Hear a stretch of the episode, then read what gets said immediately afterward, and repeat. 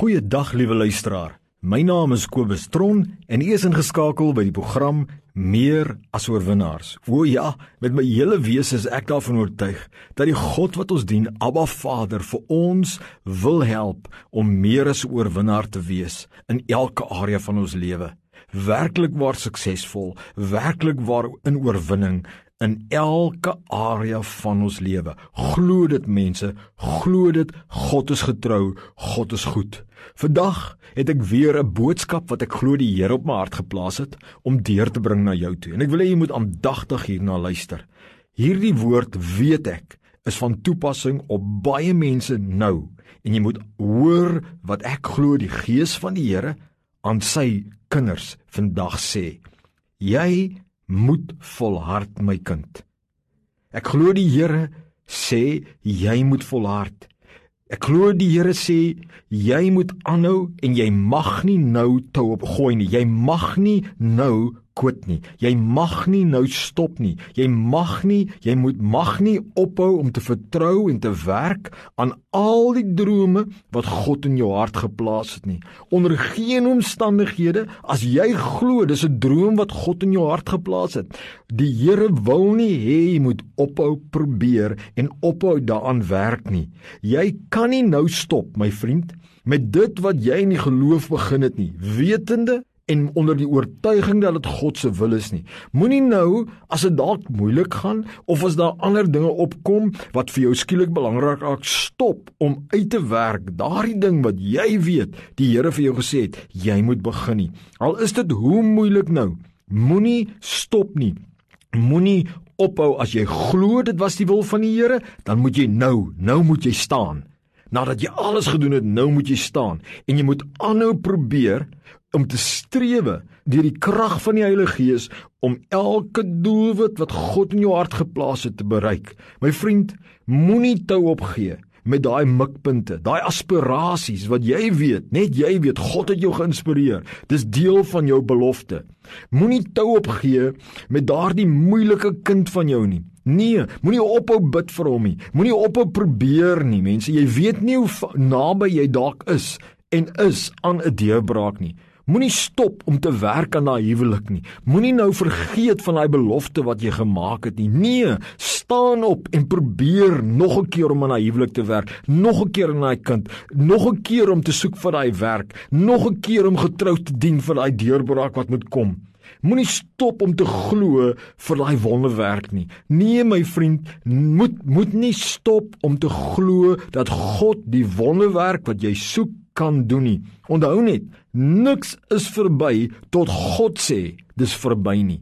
En ons kan net stop en om te probeer wanneer ons weet dat ons weet die God wat ons dien sê in ons harte dis verby of die God wat ons dien maak dit onmoontlik om aan te gaan. Anderste moet ons vasbyt en ons moet deurdruk en ons moet uithou en ons moet aanhou. Ek wil jou aanmoedig namens die Here dat jy probeer en dat jy sal nog 'n keer probeer. Onthou net net om die draai kan dalk jou deurbraak wees. sien jouself soos 'n persoon wat 'n groot swaar rots probeer op beweeg teen 'n bult uit. En jy is nou so naby aan die afdraand van daai bult by die kruin van die bult. Maar jy sien nog nie die kruin nie, maar ek wil vir jou sê, jy kan net net net naby wees aan daai kruin. En die Here wil vir jou sê, moenie moenie ophou probeer nie, probeer nog 'n keer. Probeer nog 'n keer. Jy sê Kobus, ek kan nie meer, ek is moeg. My vriend, gaan wag op die Here. Hy sal vir jou krag gee. Gaan vra vir die Here wysheid, maar jy kan nie nou in hierdie seisoen van jou koot nie. Jy mag nie. Moenie moed opgee oor jou eie lewe nie. Moenie dink aan selfmoord pleeg nie. Moenie dink aan jou lewe maak nie. Stop dit nou. Dit is nie die Here nie. Die Here wil hê jy moet volhard en die Here wag tot jy die keuse maak. Hy sal jou die vermoë gee Want God is altyd getrou. Hy sal jou die vermoë gee, maar jy moet die keuse maak. Hebreërs 10 vers 36 sê die woord van die Here die volgende. Ek wil hê luister gou aandagtig. Hy sê want julle het lydsaamheid nodig om nadat julle die wil van God gedoen het, die belofte te verkry. Hoor mooi die woord, ek wil dit weer lees, want julle het lydsaamheid nodig om nadat julle die wil van God gedoen het, die belofte te verkry. Duidelik sê die woord dat ons moet ons het lydsaamheid nodig. Selfs wanneer ons die wil van God gedoen het. Ons weet die Here het gesê begin daai besigheid. Ons weet die Here het gesê trou met daai persoon. Ons weet die Here het gesê dis jou kind. En nou is daai kind moeilik. Nou is daai huwelik in 'n gemors. Weet jy wat? God sê volhard. God sê probeer weer. Hy sê jy het nou volharding nodig en die Here is God wat geduldig en volhardend kan krag los in jou en vrystel vir die wat swak is. Hy sê in vers 37 sê hy want nog 'n klein tydjie en hy wat kom sal kom en nie versuim nie. Hoor julle die woorde? Want nog 'n klein tydjie en hy wat kom, sal kom. En ons praat hier van die wederkoms van die Here nie. Nee, dit praat van die deurebraak wat die Here kom. Wanneer hy deur sy gees kom, hy sê dis nog 'n klein tydjie, maar julle het lydsaamheid nodig. En dan sê hy in vers 38: "Maar die regverdiges sal uit die geloof lewe. En as hy hom onttrek, het my siel geen welbehae aan hom nie." Baie duidelik sê die Here, God behaag nie dat jy nou stop nie. God behaag dit nie dat jy nou kwit nie. Jy kan nie, jy mag nie ter wille van jou kinders, ter wille van jou lewensmaat, ter wille van dit waarvoor God jou geroep het op aarde, moet jy volhard my kind. Jy moet volhard, jy moet aanhou. Jy mag nie tou op nie. Totdat God sê, niks, niks is verby. Totdat God sê dis verby nie. Tot God sê dis verby, moet jy aanhou probeer. Ek wil hê jy moet jou arms wat lam voel, jou wese wat moeg voel, moet jy gaan sit by die Here. Net nadat jy nou geluister het, gaan sit al sit jy net 5 minute by die Here en sê vir die Here, hier is jy.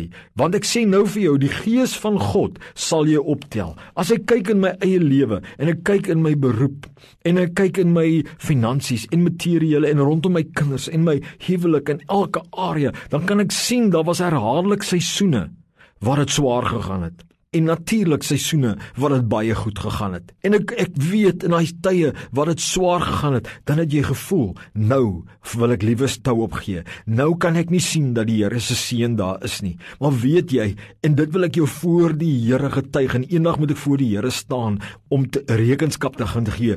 So ek kan nie bekostig om 'n leuen te vertel nie. My vriend, God het tog altyd deurgekom. En wanneer dit die donkerste gelyk het, reg en ek weet dit is 'n ou klise, maar wanneer dit die donkerste gelyk het, het God deurgekom.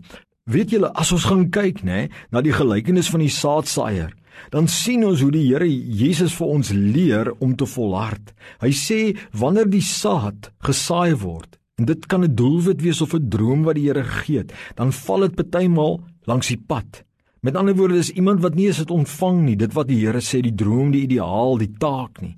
En dan sê hy dan kom maar 'n volgende ene waar dit val op harde grond en uh, klipprige grond. Met ander woorde en die ou vat dit. Hy val hy boodskap, maar wanneer daar verdrukking en vervolging kom ter wille van die woord, dan hou hy op.